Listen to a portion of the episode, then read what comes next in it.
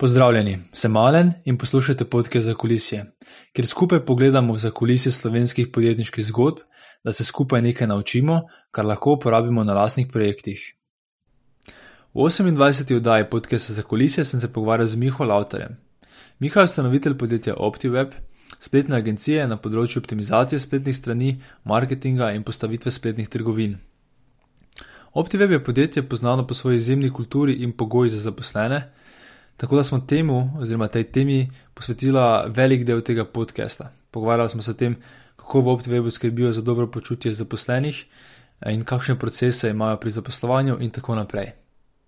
Zanimivo je to, da je Miha podjetje ustanovil pri 19 letih in tako v 9 letih uspel zgraditi za res impresivno in zelo moderno podjetje, ki je na koncu leta 2017 imelo 1,2 milijona prihodkov in 37 zaposlenih.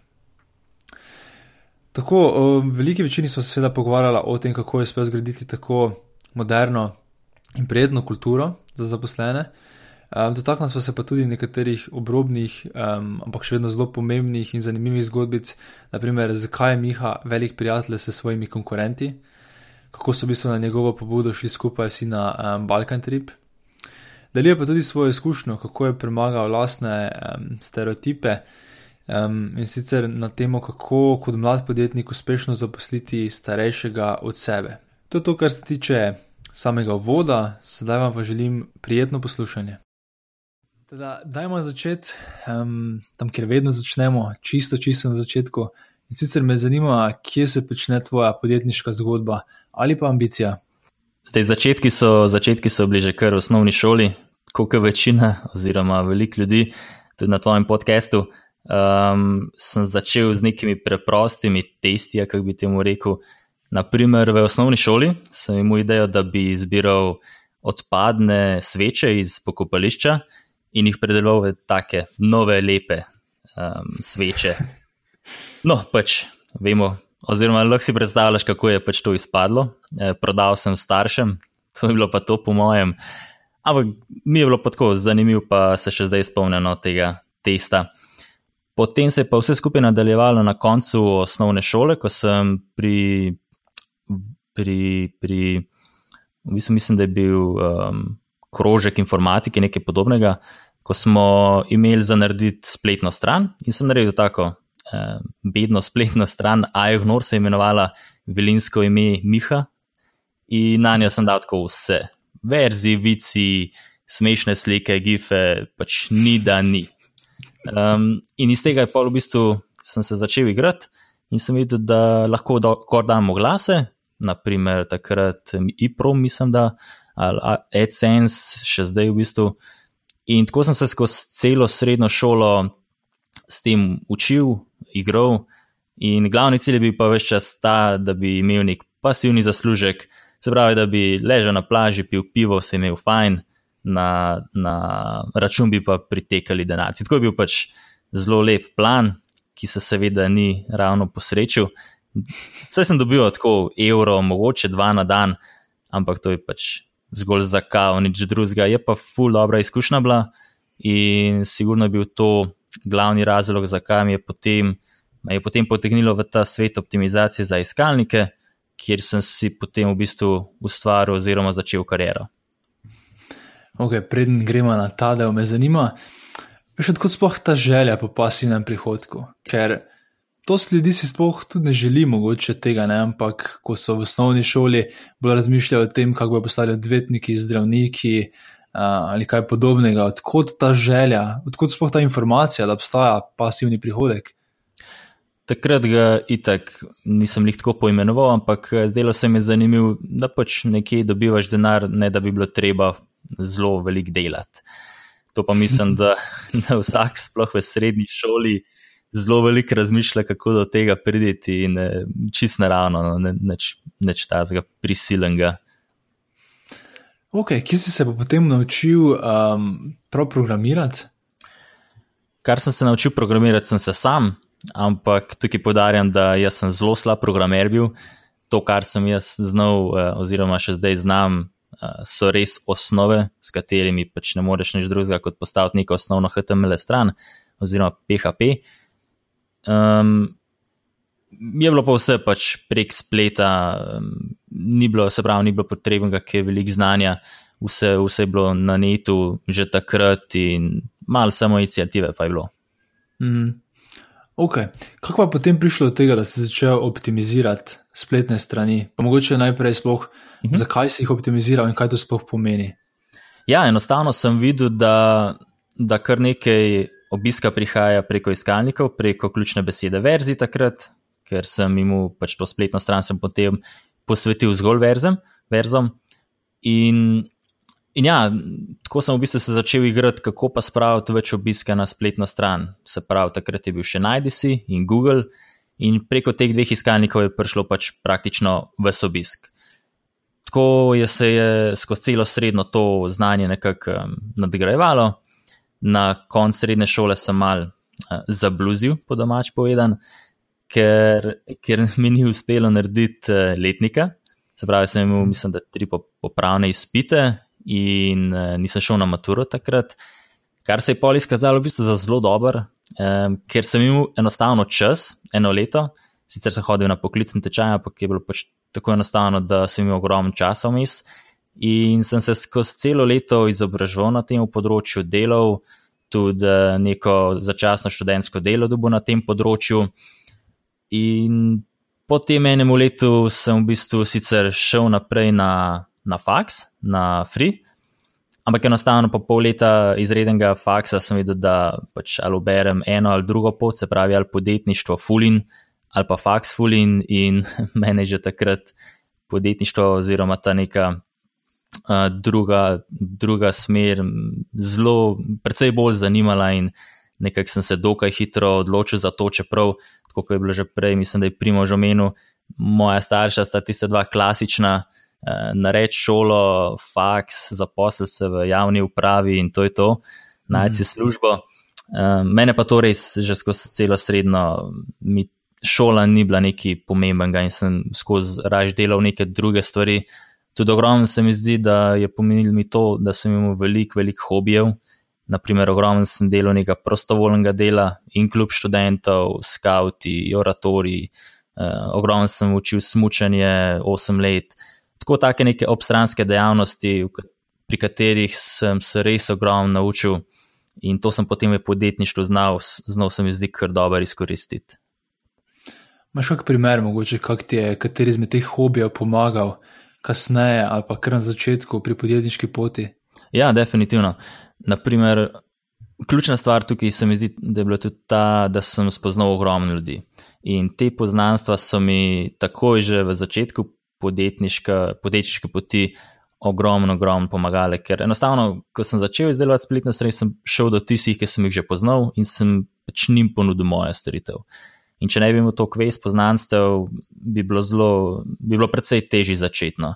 Plus, ob enem sem, potem, ko se je začel zaposlovati, ker sem poznal, poznal že spet ogromno ljudi, sem lažje dobil tiste, ki so nekako uh, takrat bili primerni no, za sodelavce. Ok. Omenil si, da ti je bilo najlažje torej dobiti prve stranke. A se spomniš, da je bil čist prva, prva, prva stranka? Kako ja, je izgledala, kako si jo dobil? Ja, um, mogoče tukaj prva stranka, ki mi je tudi pomagala, da sem nekako, um, da mi dala tisti prvi zagon, je bila definitivno prevajalska agencija Alchemist. Zaradi tega, ker sem v bistvu za njih delal že preko študentske napotnice in kar precej to, to so bili tudi kar ok zneski za tiste čase. Um, tako kot sem rekel, pač faks me ni tako zanimal, in sem potem toliko več časa vložil v druge stvari. In ja, pri njih sem v bistvu videl, ok, da se, uh, če imaš dobre stranke, se da ogromno narediti na tem področju. In oni so razumeli to, že takrat so vedeli, da je optimizacija zelo, zelo pomembna, naprimer z njimi delamo še danes tudi. In ja, oni so sigurno mi dali nek boost na začetku, Obenem, ta drugi bus, no se mi zdi pa, da je bil Knauf Isolation, tukaj Škofijo Loke, ki mi ga je um, že spet nekdo, ki sem ga poznal tukaj v poslovni stavbi, uh, isto, ki iz Esofta, ki mi je dal pač kontakt od Barbare, rekel, evo, pač mi nekako z njimi. Um, mogoče trenutno ne bi več delali, ker so nam druge prioritete in mislim, da si ti pač boljši meč. In smo začeli delati, ne, z njim tudi če, še zdaj delamo. In te dve stranke, naprimer, mislim, da sta bile, oziroma sem prepričan, tiste dve, zaradi katerih eh, smo konec koncev tudi tukaj, kjer smo zdaj. Torej, te prve stranke se mi zdijo kar ključne, ne? skoraj pri vsakem projektu, da ti dajo tisti neki zagon, ne? da ti potem prideš, da dobiš tudi občutek, da je nekaj možno. Zato me zanima, mogoče še malo bolj podrobno, torej, ko si govoril o tej prevajalni agenciji, um, kako točno je izgledalo to, da ste se dogovorili? Si jim ti pisal, so oni tebi, ker si vedel, da to delaš, ali veš, kako je prišlo do, do kontakta, kako si se dogovoril za vse skupaj? Ja, tukaj je bilo tako, da začel sem v, v, bistvu v branži prevajalske optimizacije. Sem začel še prej z nekim drugim podjetjem, s katerim sem kar nekaj časa delal, smo dosegli res dobre rezultate, potem smo pa pač prišli do, njega, do neke točke, kjer enostavno nisem več videl napredka in sem iskal drugo stranko iz tega področja. Se pravi, v bistvu sem alkemistu prodal že izdelano spletno stran z Eh, oziroma domeno z dobrimi pozicijami, ki, ki smo jo na to še izboljšali, se pravi, zamenjali vsebino kot prvo, eh, še izboljšali pozicijo, da smo res prišli na prvo mesto. Potem je bilo pa še tako, da sem že spet razmišljal, kako bi lahko pač še več potegnil iz tega dela. In normalno, alkemist ni hotel, da se naredi isto kot tisti, tistemu prejšnjemu podjetju, se pravi, da jaz grem stran z domeno in vsemu in smo se pač dogovorili, da jim prodam celoten eh, posel oziroma celotno stran, domeno, da je vse njihovo, da praktično domena ne more iti stran od njih. In zato smo se pač dogovorili in takrat se mi zdi, da ta del je bil nek, nek, neka prelomna točka, ko sem rekel, evo, zdaj pa gremo na polno naprej, pač pustim faks in fulin. A to je ta zgodba, ki tudi imaš opisano na spletni strani, da si um, podjetniško pot začel s prodano domeno, za katero si dobil 2000 evrov. Ja, to je točno ta primer. Ja. Ah, kul, kul, kul. In takrat prek napotnice 2000 evrov se tako, kar lepo se vidno. ja, kaj si naredil s tem denarjem, potem, za kateri hobi si ga porabil? Mislim, da je šlo kar direktno za biznis naprej, da, da se je lahko Aj, lažje štartal. Je bilo pa to, takrat mislim, da sem bil star 19 let. Tako da sem se mu še, mislim, to so bile res začetki, eh, nisem pojmem od biznisa in takrat potrebuješ nek denar, da se lahko igraš, greš na kakšno izobraževanje in tako dalje. Ok, ki pa se potem začne zgodba OptiWeba?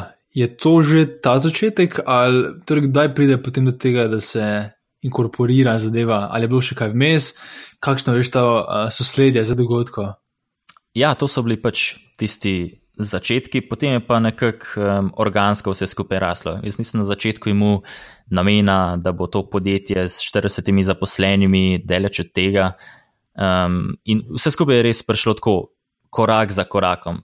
Smo kupili eno pisarno, smo videli, so nove stranke, smo dodali nove storitve, za katere smo imeli popraševanje, eh, smo dodali še nove ljudi, ki so te storitve lahko pač samostojno upravljali um, smo, je že spet v bistvu zmanjkalo prostora, če spet nove pisarne in tako dalje. In tako dalje.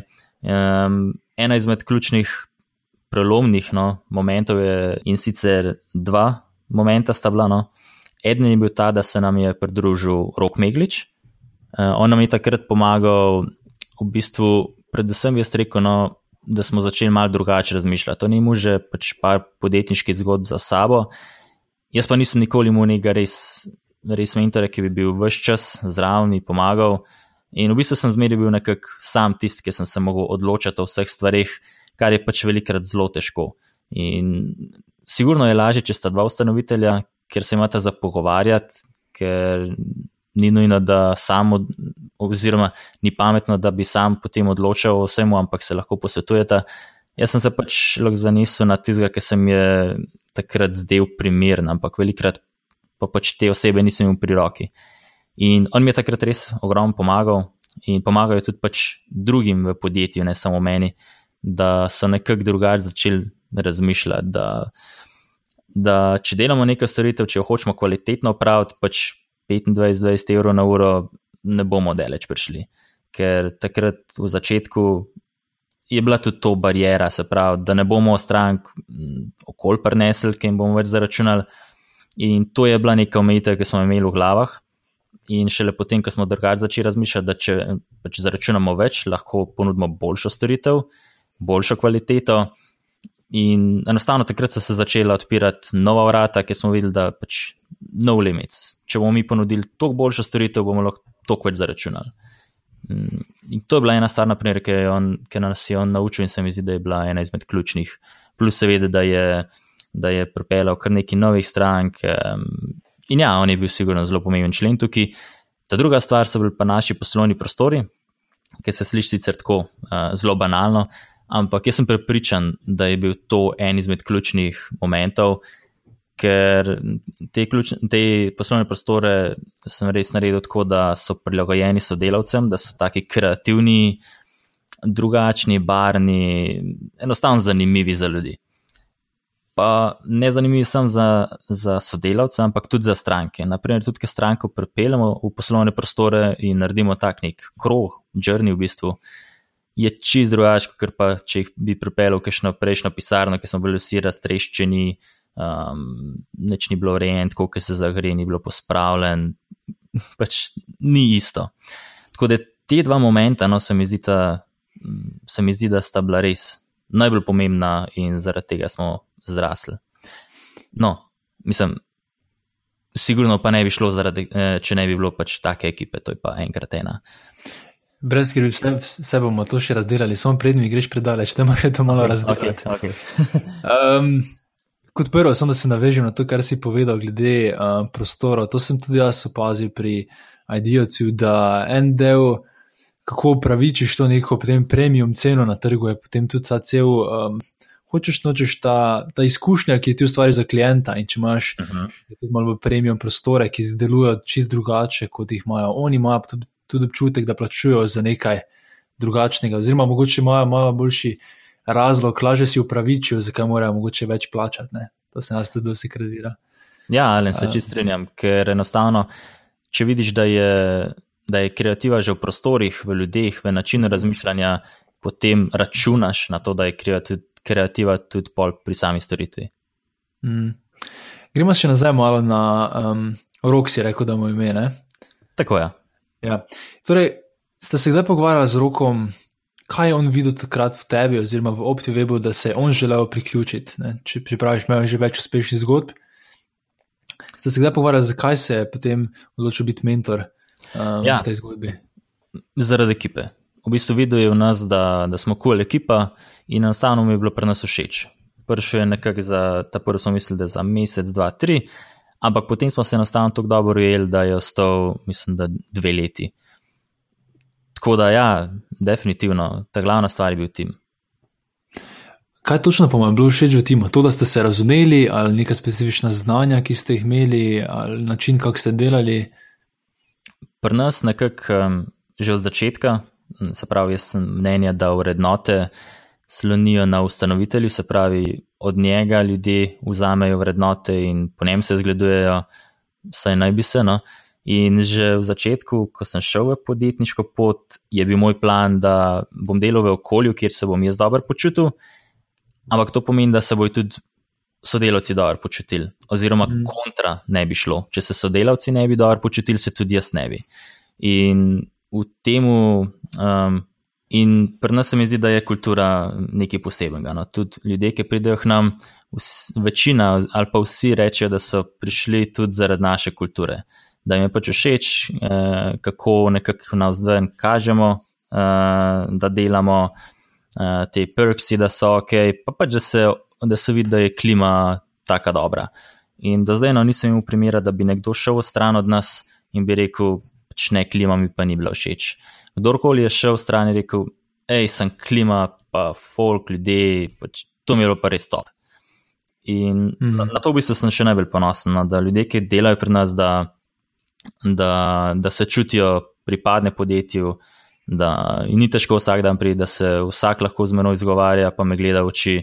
To so mi nekako kor stvari, um, ki jih hočem pri svojem podjetju tudi naprej še vzdrževati. No.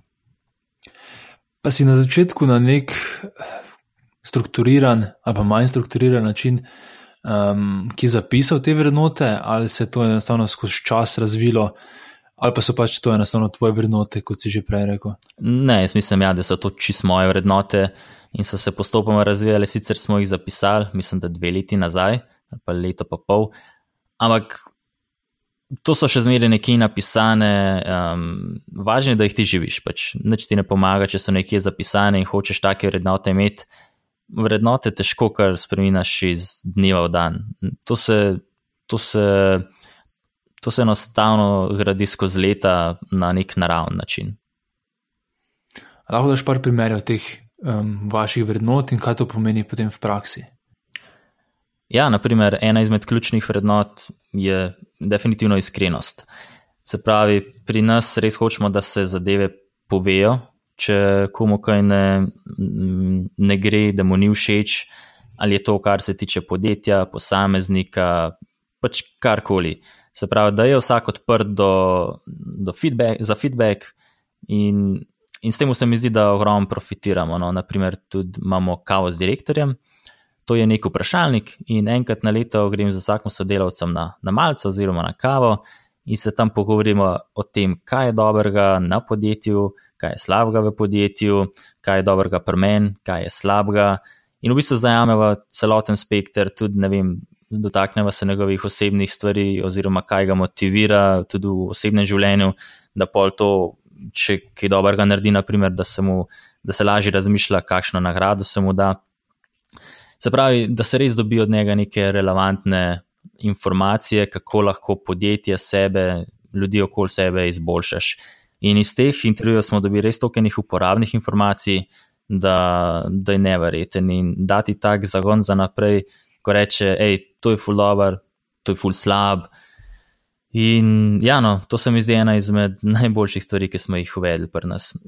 Pa pomembno je, da če Um, če upoštevaš te stvari, pa jih izboljšavaš, potem bo pač ljudem smiselno, da se res poglobijo v to in dajo neke konkretne mm -hmm. feedbacke. Če bi pač to poslušal in pol z tega ne bilo nič, to bo ljudje pač ne bi tega resno vzeli in ne bilo to. to. Uh, tako se pa res, res vidi, kdo je potencial, ker kdo je potencial, kdo je dober, napiše res um, ogromne spise, uh, predvsem tega, kar je slabo, ker iz tega se lahko nekaj naučimo, konc koncev. Zdaj ja. debatirajo o dobrih stvarih, pa tako naprej, ampak meni osebno so ključne slabe stvari, ker tiste lahko izboljšam, iz tega se lahko kaj naučim. Mhm. Imáš kak primer, mogoče, um, kaj so zaposleni napisali in kako si potem to spremenil, sprevedel v samo okolje oziroma v procese?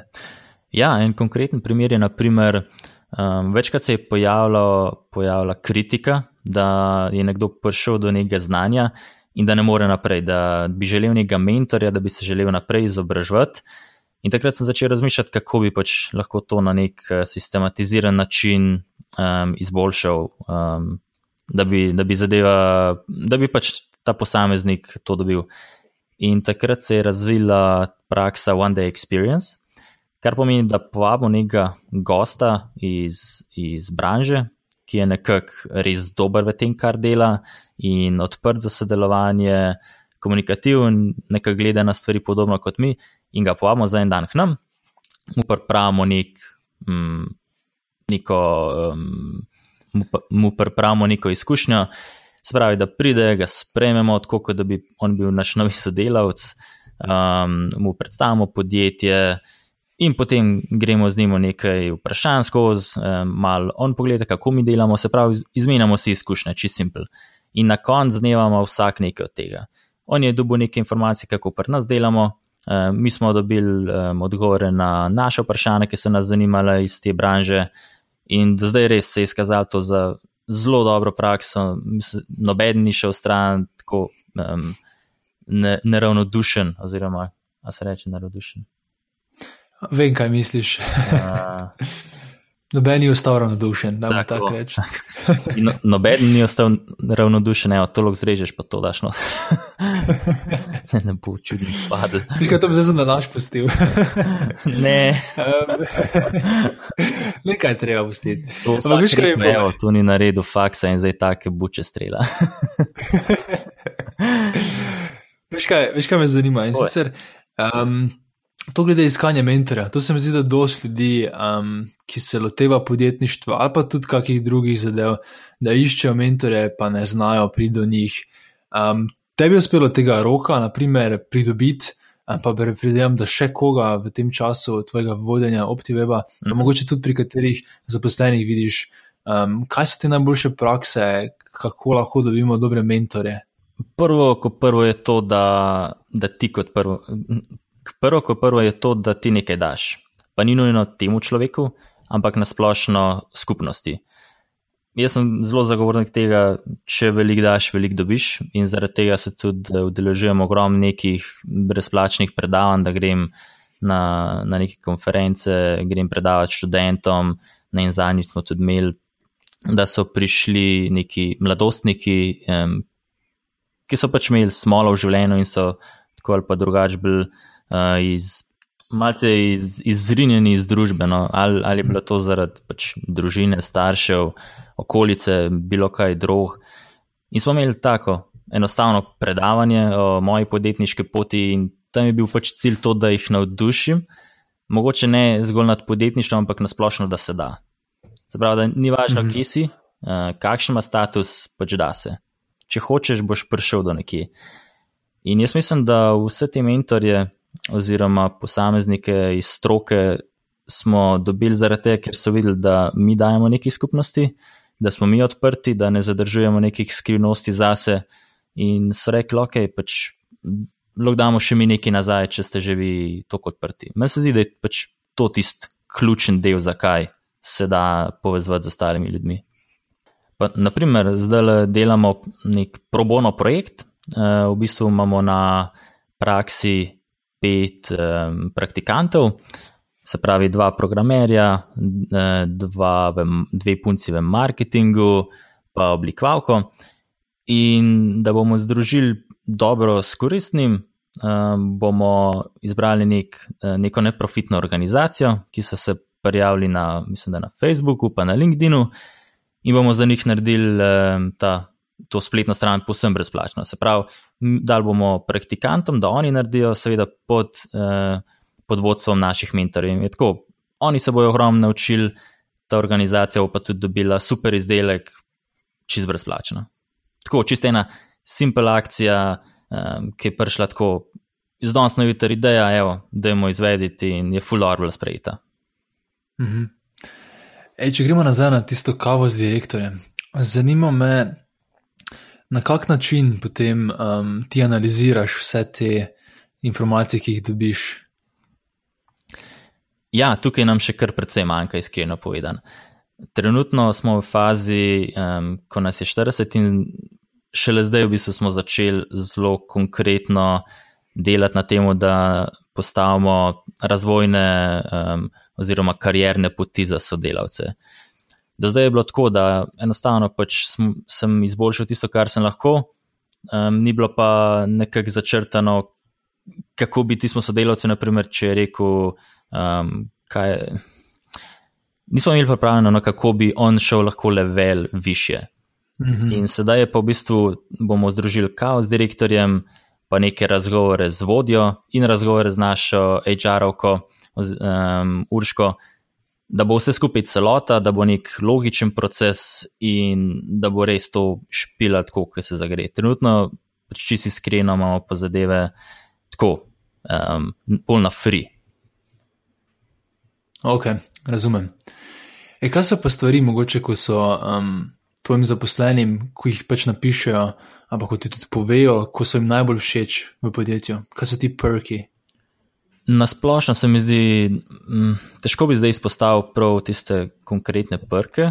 Ker, um, enostavno po večini, kar reče na splošno, kultura počutja v podjetju.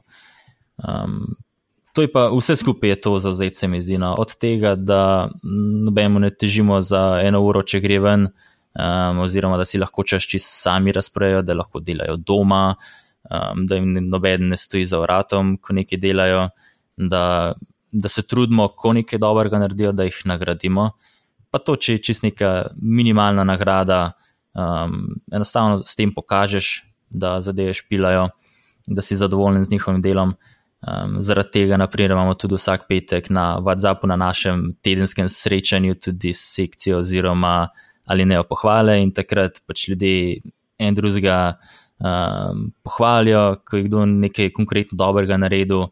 In take stvari, naprimer, čist minimalne dajo ta žmoht vsemu skupaj. Potem pa ne vem, od nekih skupinskih masaž, um, ne vem, posodil sem tudi svoj avto um, sodelavcem, ko sem šel na, na, na potovanje, naprimer, ki je tako bolj športno mm -hmm. avto, imam kar nekaj avtomobilskih navdušencev noter. Um, ne vem, take, take čist, se mi zdi, spontane stvari so najboljše.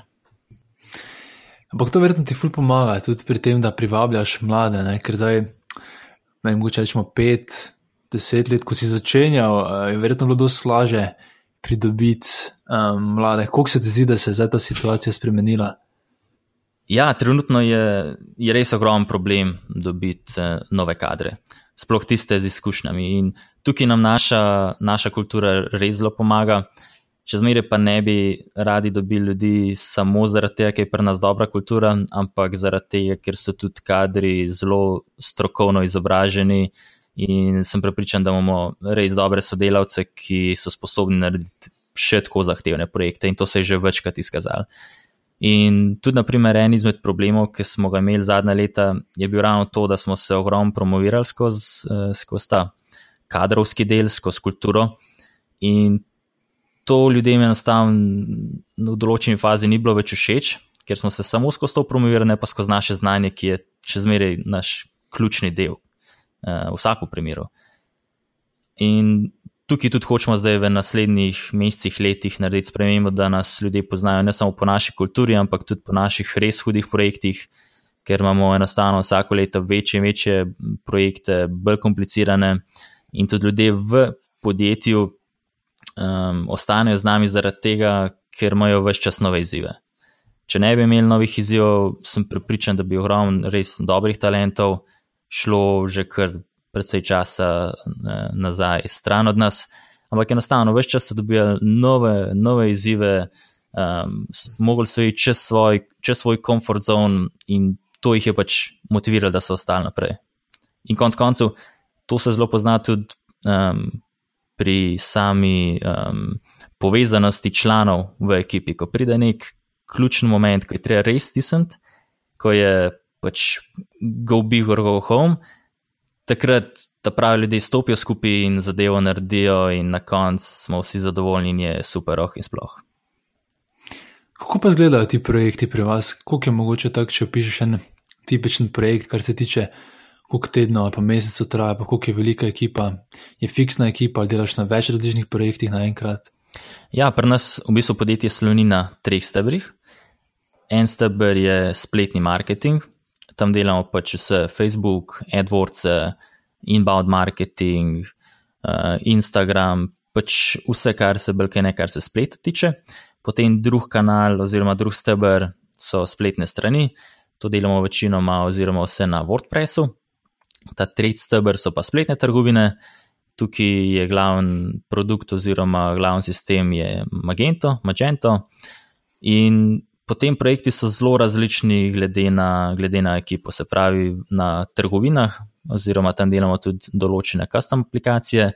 So projekti po večinoma večji, um, so sestavljeni iz več članov, tri, štiri člani, tudi naprimer, za večje projekte ali več, in se dela tudi po eno leto, naprimer, kakšen projekt.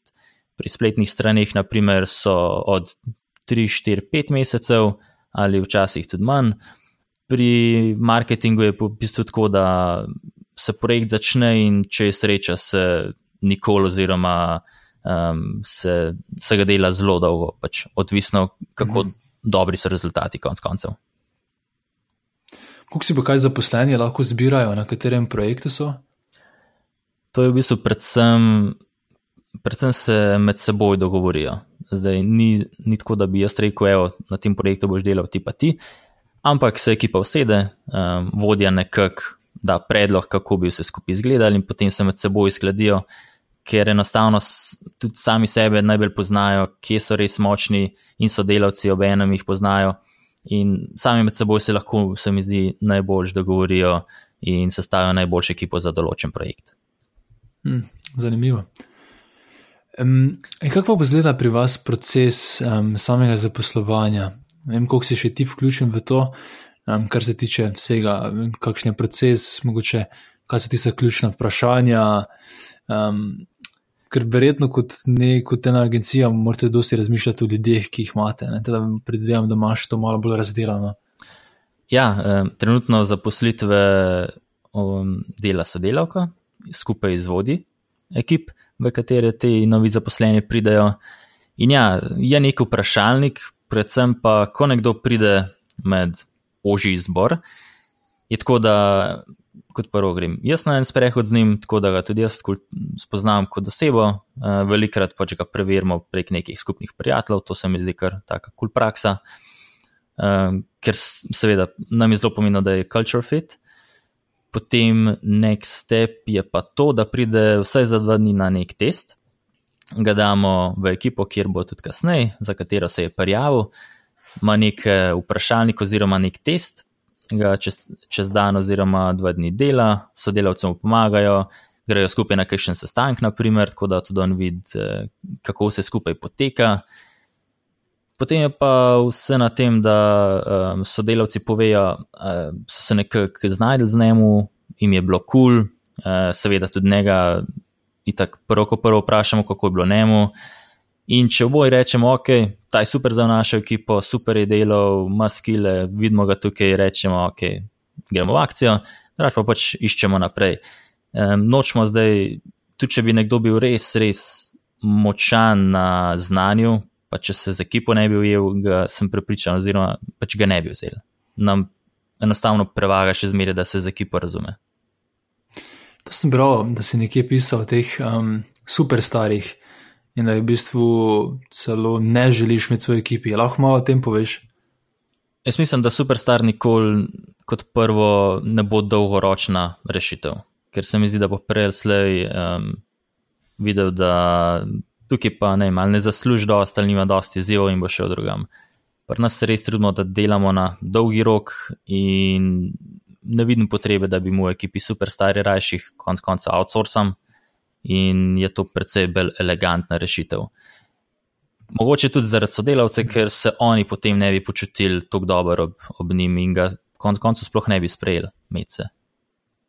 Da, mogoče še definirati, kdo je superstar. Jaz mislim, da je superstar tisti, ki dobro, ima definitivno ogromno znanja, ogromno poznanstev, ogromno izkušenj, ampak ob enem misli, da je on najboljši, da drugi mu ne sežijo do kolen. Mm, in ja, no, to bi rekel nekako, da je superstar. To je moja definicija, sem pa prepričan, da ima vsak svojo. Oziroma, na kratko povedan, ego. Mm, ok. Dobro, zdaj vidim, kaj si te reči. Okay.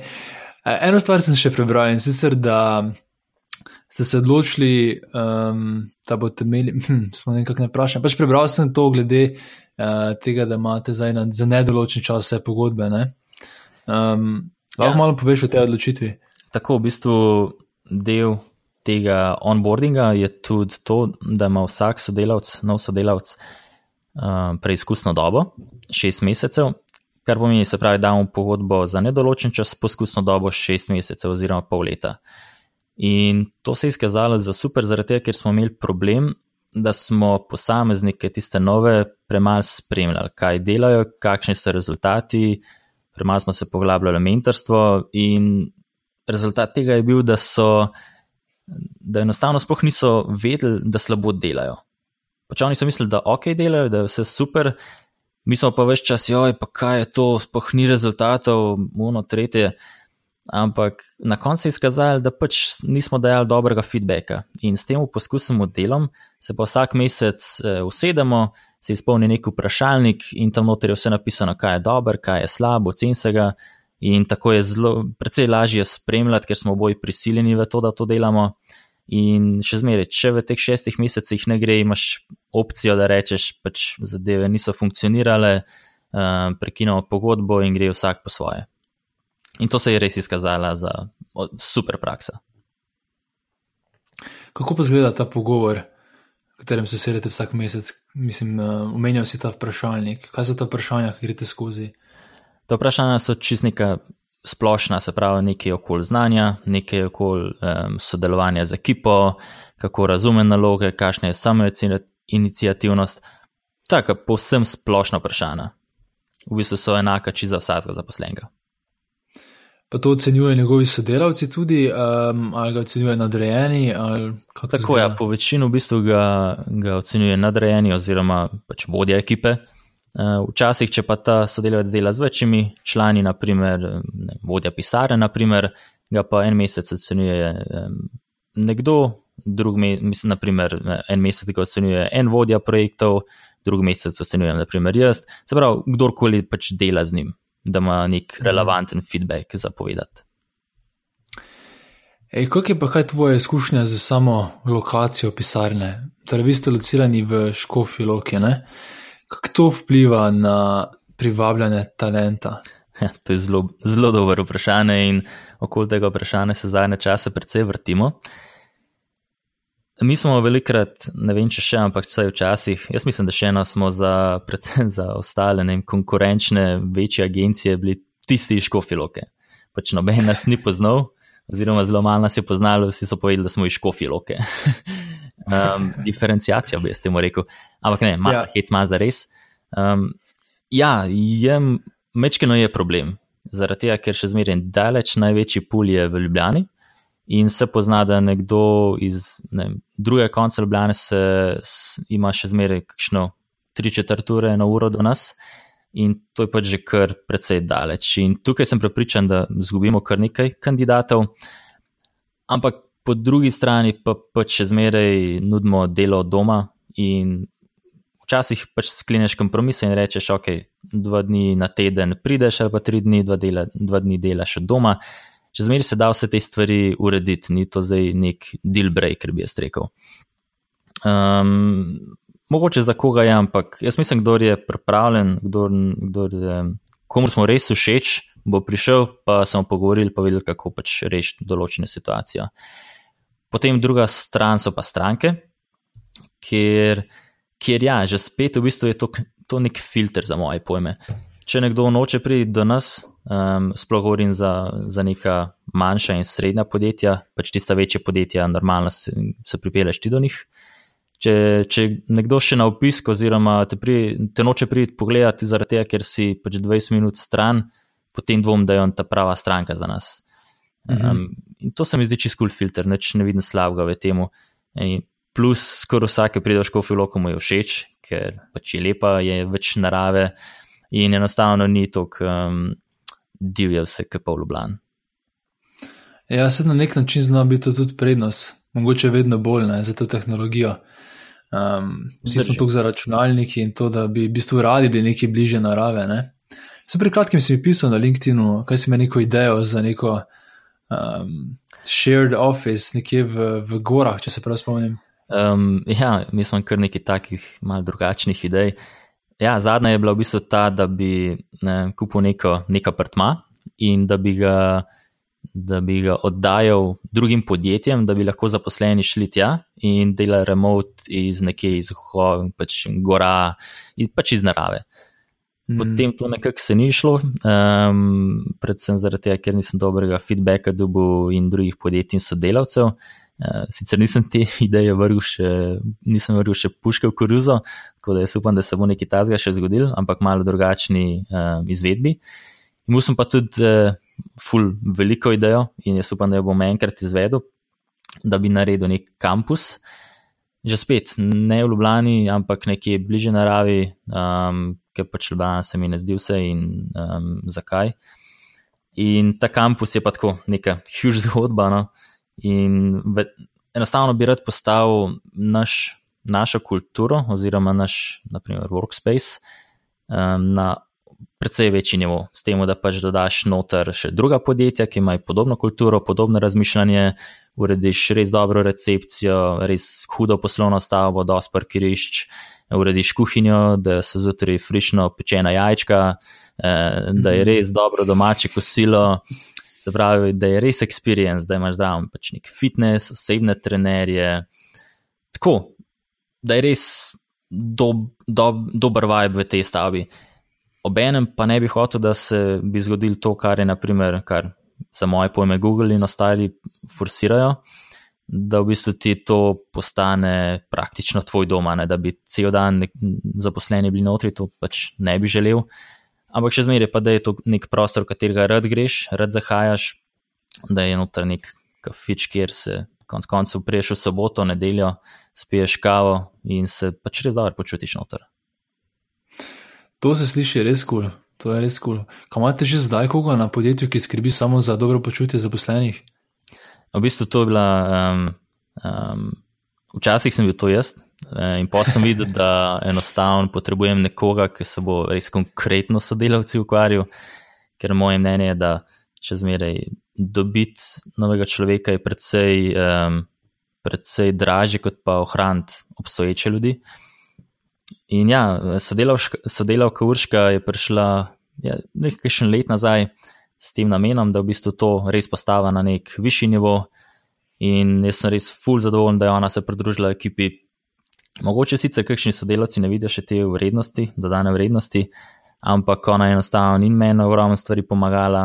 Se pravi, ki je rok šel, sem v bistvu na njo se zdaj lahko nekako um, zanesel, da mi da neko drugo mnenje okrog odločitev, ker ni zdaj, ona ni klasična kadrovnica, ampak zna tudi razmišljati. Eh, kako bi rekel, bi, o biznisu. Tako kot so prej govorila, uh, preden sem začela snemati, da dizajnerji pač ne morejo biti več samo dizajnerji, ampak morajo razmišljati, uh, oziroma morajo poznati, kako posel funkcionira, uh, mhm. morajo znati razmišljati. In tukaj je pač za moje pojme enako, kurška zna dobro razmišljati. Čeprav ne izhaja iz tega, ampak ve, kako stvari funkcionirajo in se lahko na ne zanesem.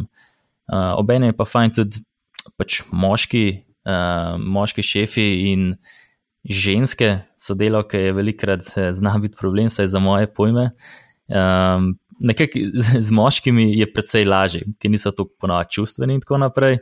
Um, za ženske se mi zdi pa včasih, da je kul, cool, da je nek um, umesen člen, se pravi. Um, ali pa tudi za moške, no se nima veze. Se pravi, ko je nekaj narobe, lažje enostavno pridejo do nekoga drugega, kot pa direktno do mene. Mm. Velikrat je tako. Sicer nočemo tega spodbujati, da je leč od tega, hočemo, da vsi pridejo direktno, naprimer, do mene, če se tiče mene. Ampak pač videli smo, da v določenih situacijah pridejo do urške laže, ki se ji zaupajo in potem skupaj rešijo to situacijo. Naprimer, to so neki taki detajli, pol, ki ona lahko pomaga, v osnovi pa pač pomaga um, in z novimi kadri, in ja, kot je bilo rečeno, predvsem pa se, je bil cilj, da se z obstoječimi ukvarjamo. Ja, ne me veseli, da se ta vloga tudi v slovenskih podjetjih že oblikuje. Jaz sem imel to priložnost to občutiti tudi v Nemčiji in je v bistvu res. Um, Mogoče na začetku niti ne vidiš to, ker pa se ti kar je normalno, ampak potem, ko si en čas tam, ampak uh, pa mogoče veš, komaj, ko greš z podjetja, vidiš, kaj vse uh, taka vloga, pa taka oseba poskrbi za tisto počutje. Mi smo tudi imeli vsako jutro uh, zajtrk, pa dvakrat na teden kosilo, pa vedno bilo polno čokolade, pa čipse. Pa če si karkoli želel, si smel s kom pogovoriti. Um, ja, to, in res neko dodatno komponento, da je v bistvu bolj tako. kot dom. Ne? Ja, točno tako. Pa.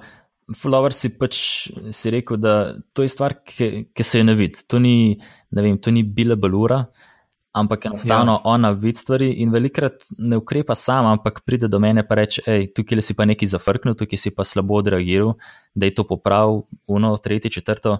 In to so stvari, pač, mm, ki jih ne more vsako pasno. Mhm.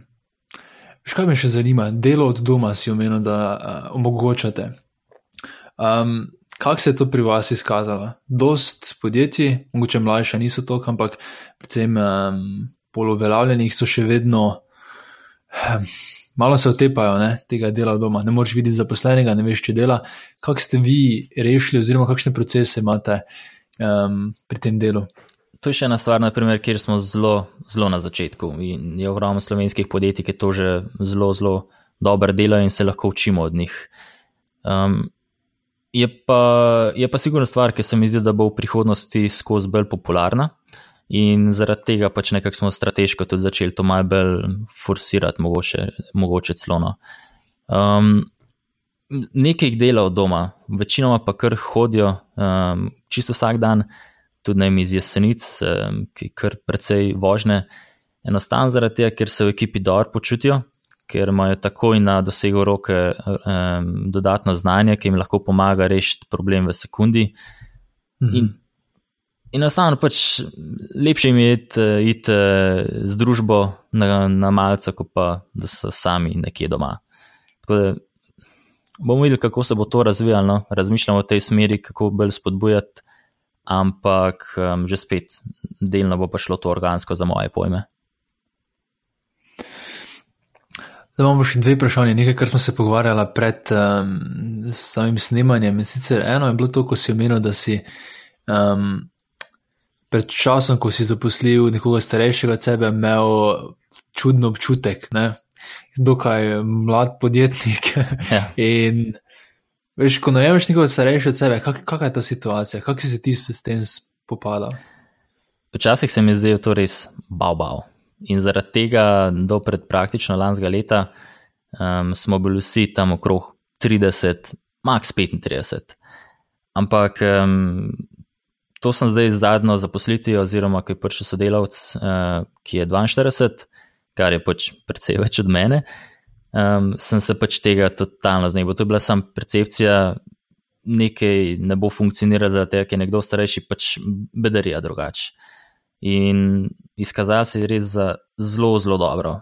Je imel izkušnje, oziroma ima izkušnje, in on je čist drugač gledal na stvari, kot smo jih pa mi. In to nam je dal nekih dobrih informacij, um, kar je pa najbolj pomemben, delač od tega, da bi izpadli čudno. Pač, enostavno tudi on se je fuldor počutil, oziroma se počutil v, v družbi. In ja, jaz sem zelo, zelo vesel, da sem šel čez to svojo bariero in um, ni nobenega problema. Tako da, kdo je mlajši, um, če dobiš pravega človeka, ni problem starejšega zaposliti, je pa zmeri na obeh straneh. Oba se morata počutiti um, dobro v tem um, in morata sodelovati. Pač. Potem pa tu še druga stvar, ki se mi zdela zelo zanimiva. Ko smo se pogovarjali prej, in sicer to, da ste frendi oziroma prijatelji z svojimi glavnimi konkurenti. Kaj je ne navadna zadeva, kako in zakaj. Ja, to se je začelo. Mislim, jaz nikoli nisem imel problemov s tem, da bi se dobil s konkurenco, izmenil izkušnje. Tako kot sem že prej rekel, zelo, zelo sem odprt in ničesar ne skrivam. In zelo zanimiva zgodba je bila, takrat, ko sem bil še samo v optimizaciji, smo šli s tremi glavnimi konkurenti na Balkan Trip, z Urošem, Tomažem, Paradašem. In še zdaj se velikrat dobimo, spijemo kakšno pivo, gremo skupaj na kakšno konferenco. In ti so bili res tako, ful dobra stvar. Zdaj se pa tudi z, z veliko konkurenti dobivamo, iz, izmenjujemo izkušnje, pa ne samo sam jaz, no, naprimer, ampak tudi ostali sodelavci. Um, to je že spet tista stvar. Jaz sem nekaj dal pobudo, pa zgled, in oni um, so to videli, da je dobra stvar, in so jo enostavno vzeli za svojo. Tako da, ja, sem, sem pa fulj zadovoljen, pač, da so tudi ostali konkurenti tako odprti um, da, da se da normalno komunicirati z njimi. In to je res meni osebno res dobra stvar. Tako lahko pač sam profitiraš. No? Za moje pojme lahko sam profitiraš. Se ti zdi, da je to primerno za vsako nišo? Sem prepričan, da je primerno za vsako nišo, ampak ljudje v določenih nišah precej drugače gledajo kot pa v drugih nišah. Mislim, določene niše so enostavno drugačne in tam te zadeve tako ne funkcionirajo, mogoče tudi zaradi tega, ker um, vem, jaz mislim, da smo mlajši, bolj dovzetni do tega. Uh, pa upam, da s tem nisem kaj še starejšega užalil, ampak pač tak je moj mnenje. Um, če še niso, se bo pa po mojem spremenilo to skozi leta. No. Prej si menil, da imate vsi nekaj od tega. Ne? Torej, mislim, na prvo žogo bi človek imel obratno mišljenje, torej, da si kralj te informacije in podobno. Ampak na, kak način, na, na, na kakšne vse načine ti vidiš, da je to pozitivno za vas in za vse druge? Jaz mislim še zmeraj, da posla je dovolj. Naprimer, tudi mi nimamo zdaj cilja um, vsega posla delati v Sloveniji, že zdaj imamo 20-30% tujine. In tujina je pa potem itak neomejena. Tam ne, zelo redko, oziroma skoraj ne mogoče, da bi na letu na isto stranko uh, v tujini z neko konkurenčno slovensko, s konkurenčnim slovenskim podjetjem. To je praktično nemogoče za moje pojme. In ne vidim razloga, zakaj bi bil to minus. Um, izmenjamo si znanje, velikrat dobimo res zanimive informacije ven, primerjamo kakšno ponudbo, da vidimo, pač, če, če kdo ki je mogoče ne le dumping delo, ampak dal prenisko ceno in se pomenimo, zakaj je tako. Ne vem, um, vem res same dobre stvari vidim v tem. Um, to glede tujine mi je zanimivo, kdaj koliko let je bilo, mislim, veš, na začetku verjetno si začel samo Slovenijo, ne? koliko časa je trajalo, eh, preden si začel ozirati proti tujini? To je bilo pri nas že spet še ena čisto organska stvar. Šele letos nekako smo rekli, ok, zdaj pa res tujino štartamo in smo naredili končno neko dobro angliško spletno stran in uh, da je se pravi um, defaultna slovensko. Um, um, ja. No, to. um, Prej smo pa v bistvu vse tuje stranke dobili preko nekih obstoječih projektov oziroma strank. Tako da čisto organsko, trenutno smo pa, zdaj smo pa res rekli, da zdaj pa čim več damo v angliščino, eh, naredimo neke nove kanale, kako pridobiti stranke v tujini in bomo videli, kakšni bojo pač letos rezultati. Kako pa prihajate do teh strank v tujini? Ker agencijski posel je dost vezan verjetno na uh, kontakte, ne? da poznaš nekoga.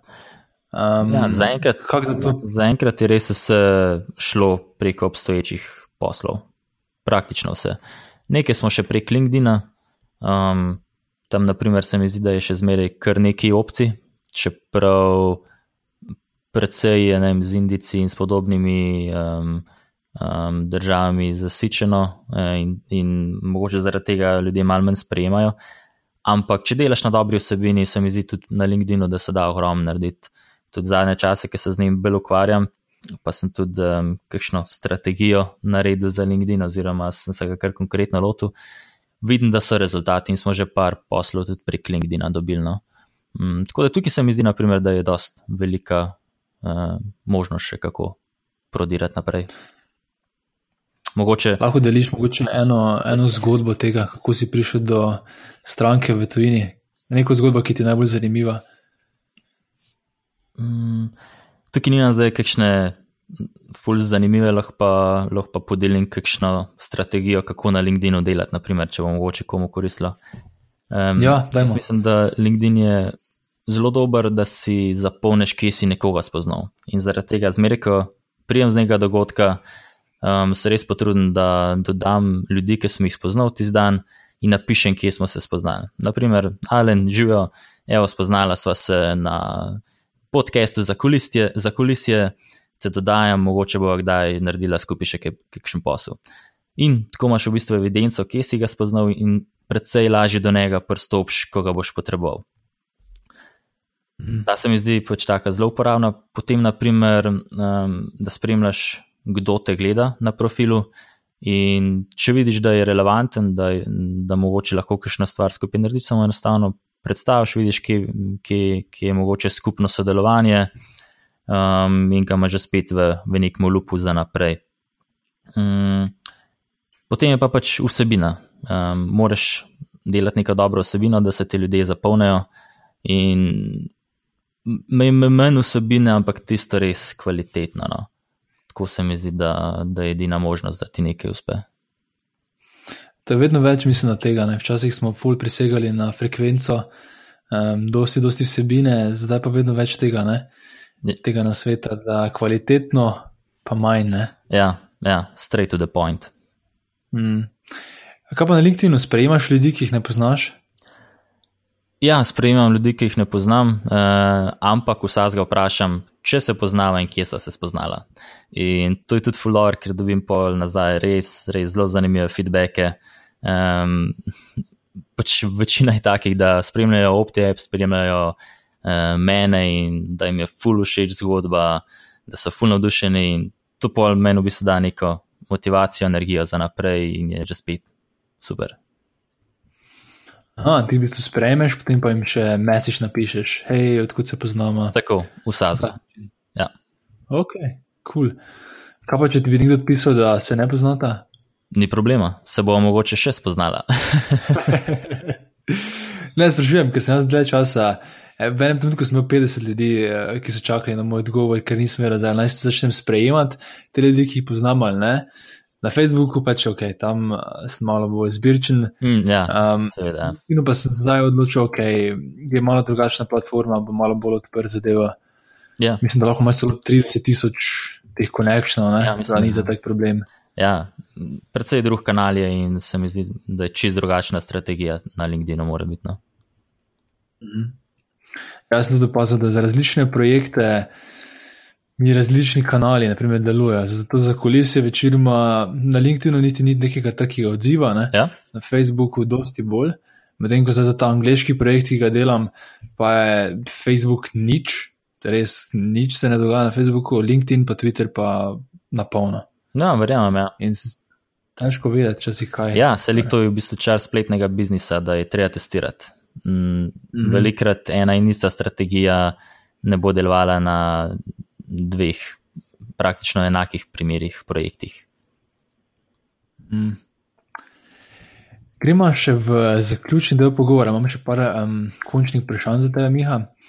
Um, Če si že poslušal par za kulisi, imaš katero zaključno vprašanje, ki ti je še posebej všeč, pa si med poslušanjem razmišljal, hm, jaz bi na pa na tega tako pa tako odgovoril. Zanimivo vprašanje. na tega nisem bil pripravljen, to je enkrat ena. Ne, veš, kaj imam tistega, če imaš kako poslovno idejo. Um, Vem, ja. Um, ne, lahko pa povem še kakšno zanimivo prigodo, ki se nam dogaja v službi, mogoče tako bolj smešno za zaključek. Um, naprimer, ta je tudi dobra. No, pri nas um, imamo za promocijska darila oziroma promo material imamo nogavice. To izhaja iz tega, ker še ko sem bil v klubu študentov Poljanske doline, sem hotel, da bi pač nogavice bile za darilo, ko pač daš um, študentski pač potrdilo, da si študent, pa dijak. In takrat to ni šlo skozi in sem rekel, klinc, ja, bom pa jaz v svojem podjetju to izvedel. In v bistvu nas res ljudi, ogromno ljudi nas pozna po teh nogavicah. Tudi, ko nekdomu, nekomu naredimo ta uh, ogled podjetja, imamo na koncu tako na štrikcih z, z klinčki pripete te nogavice in zelo lično zgleda, jim damo te nogavice in je tak super zaključek um, našega um, pač tega sestanka. In tudi, naprimer, ko stavljam štoparje, eh, kar se velikrat zgodi, um, in pač dam te nogavice na koncu, evo, to je pa zadarili za polepšan dan. In dejansko je zdaj ena na praksi prišla in se še zdaj spomnim, ker sem jih ne vem, dve leti nazaj ustavil in da ima še zdaj te nogavice doma in se je potem zapolnila. to na ključe, čist, naprimer. Ne.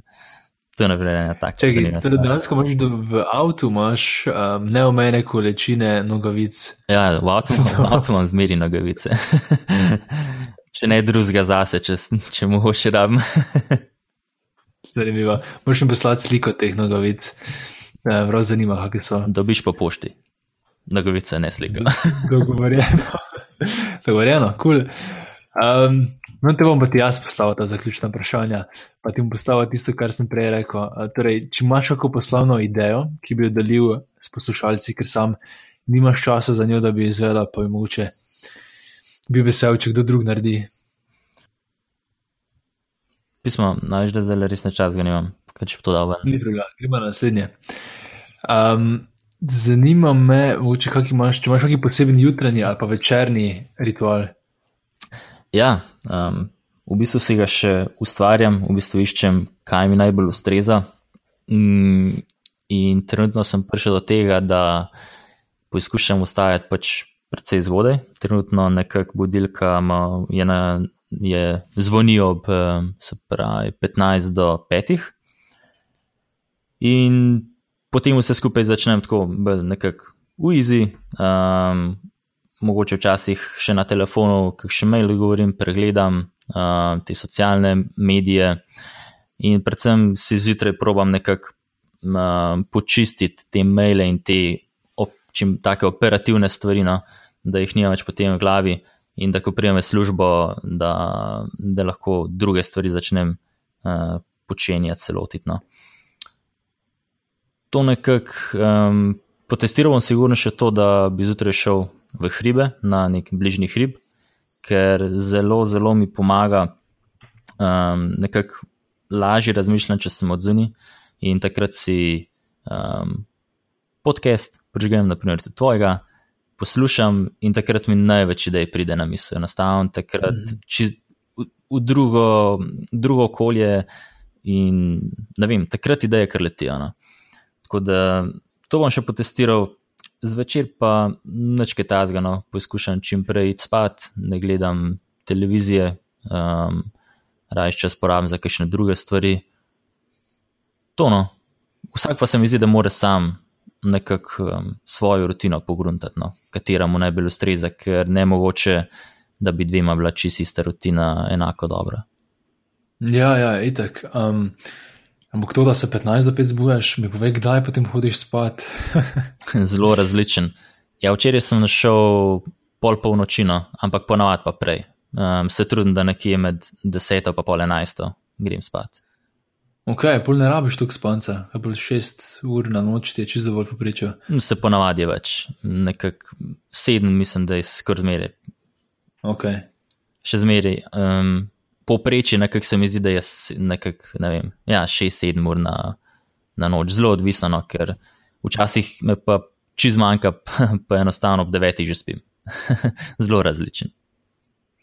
Ja, se, če nimaš televizije, pa teh naprav prižganih, pol mislim, da tudi lažje in hitreje za spatne.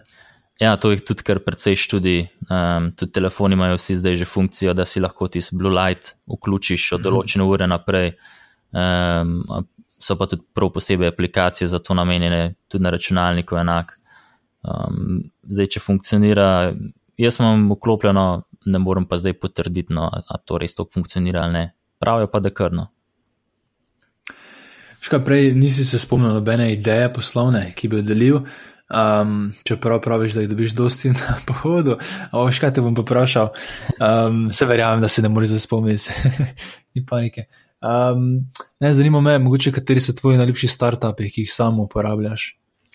Mogoče sem, da se navežem na, na, na to vprašanje, oziroma tvoj, tvoj uh, pomislek glede ideje, kako bi temu rekel. Um, enostavno, ker nekaj idej sem že sprobal, um, ampak na koncu je velikrat pokazal, da je bila to distrakcija, neke ideje za nove, nova, nova podjetja, da je bila to distrakcija in sem se preveč oddaljil od primarnega biznisa. Mm. Zdaj se poizkušam osredotočiti na ideje okrog OptiWeba, pa videe, ne pa tok na neke um, nove ideje. No. Až da zdaj smo to se zdi, da je problem pri. Ne, ampak se to mogoče še bolj zanimiva zadeva, pustimo tisto. Ker, um, to se mi zdi velika zadeva pri, pa težava pri dosti podjetnikih, pa ljudeh, ki imajo poslovne ideje, da je enostavno težko ustanejo zvesti eni ideji, ampak da je vedno tisti veš, naslednji shiny object. Iščeš, ja, ja. vse načeloma meni se to ne zdi slabo, oziroma jaz upam, da pridemo do tja. Naprimer, tukaj je Andraži iz 3FS-a, je briljanten primer, kako super se da te stvari zapeljati. Ampak mi moramo najprej priti na določeno stopno z optevom, da se lahko to prvošmo konc koncev. -hmm, da potem to platformo uporabiš za naslednjo idejo. Okay. Točno tako je. Ja. Plus se mi zdi, um, moj plan je tak, da sodelavce dobro kot prvo zdaj, da jih um, potekajo razgovori, da v bistvu ugotovim, kaj jih res motivira, oziroma um, kako bi jih zadržal v podjetju, no, sploh tiste ključne kadre. Um, in ena izmed stvari je za moje pojme tudi to, da oni v bistvu so del nekega spin-offa. Se mislim, da tudi Andraš tako dela. Se pravi, ko se nekdo. Mogoče malenkost navliča tega agencijskega dela, ima pa ogromno znanja, naprimer iz marketinga, Um, zakaj pač ne bi skupaj z njim naredil nekega spin-offa, da mu daš priložnost, ne, če uspe, um, bo ta spin-off delno njegov, delno od podjetja, mogoče še več ljudi vključiš v to, tistih um, bolj motiviranih. To se mi zdi tako, zmaga totalna za oboje. Ja, ja. zato sem se ravno tudi, um, se ne spomnim, kateri epizodi pogovarjal z Urošem iz Domence, v bistvu, da to storitveno podjetje ti ja. na nek način omogoča to, ravno, dobiš neko znanje, neko bazo, pa potem dosta teh storitvenih podjetij potem začne razmišljati o nekem produktu. Ne? Ja, točno tako. Ja. Ker pač, ja, se je tudi Uroš takrat rekel, pač agencijski oziroma ta storitveni del ni tako enostaven, sploh če ga hočeš res skalati daleč. Mm. Ja, in nič, Miha, najlepše ti hvala za tvoj čas, energijo in znanje. Mogoče samo kot zadnje vprašanje, kje um, lahko poslušalci, ki imaš kakšno vprašanje dodatno za tebe, stopijo v stik. Najlažje, kar mogoče na LinkedIn, um, vejo, kakšno vprašanje jim bom zastavil, tako da lahko na njega že odgovorijo. um, drugače pa tudi na, lahko prek spletne strani pošljejo mail, pa bo prišel do mene, pa se pol pokonektamo. Kul, cool.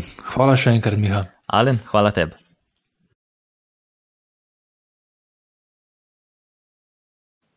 Tako, to je vse v današnji epizodi. Če ti podcast za kulise všeč, te vabim, da se prijaviš na mailing listu na zakulisi.com, da boš obveščen ob objavi naslednje epizode. A ja, pa hvala vsem, ki ste oddali ocene in komentarje na iTunesu. Za tiste, ki pa še tega niste naredili, vas vabim, da mi tako pomagate razširiti besedo o tem projektu, saj z vsako oceno in komentarjem iTunes boljše nagira podcast in ga potem lahko odkriješ več ljudi. Projekt lahko tudi finančno podprete.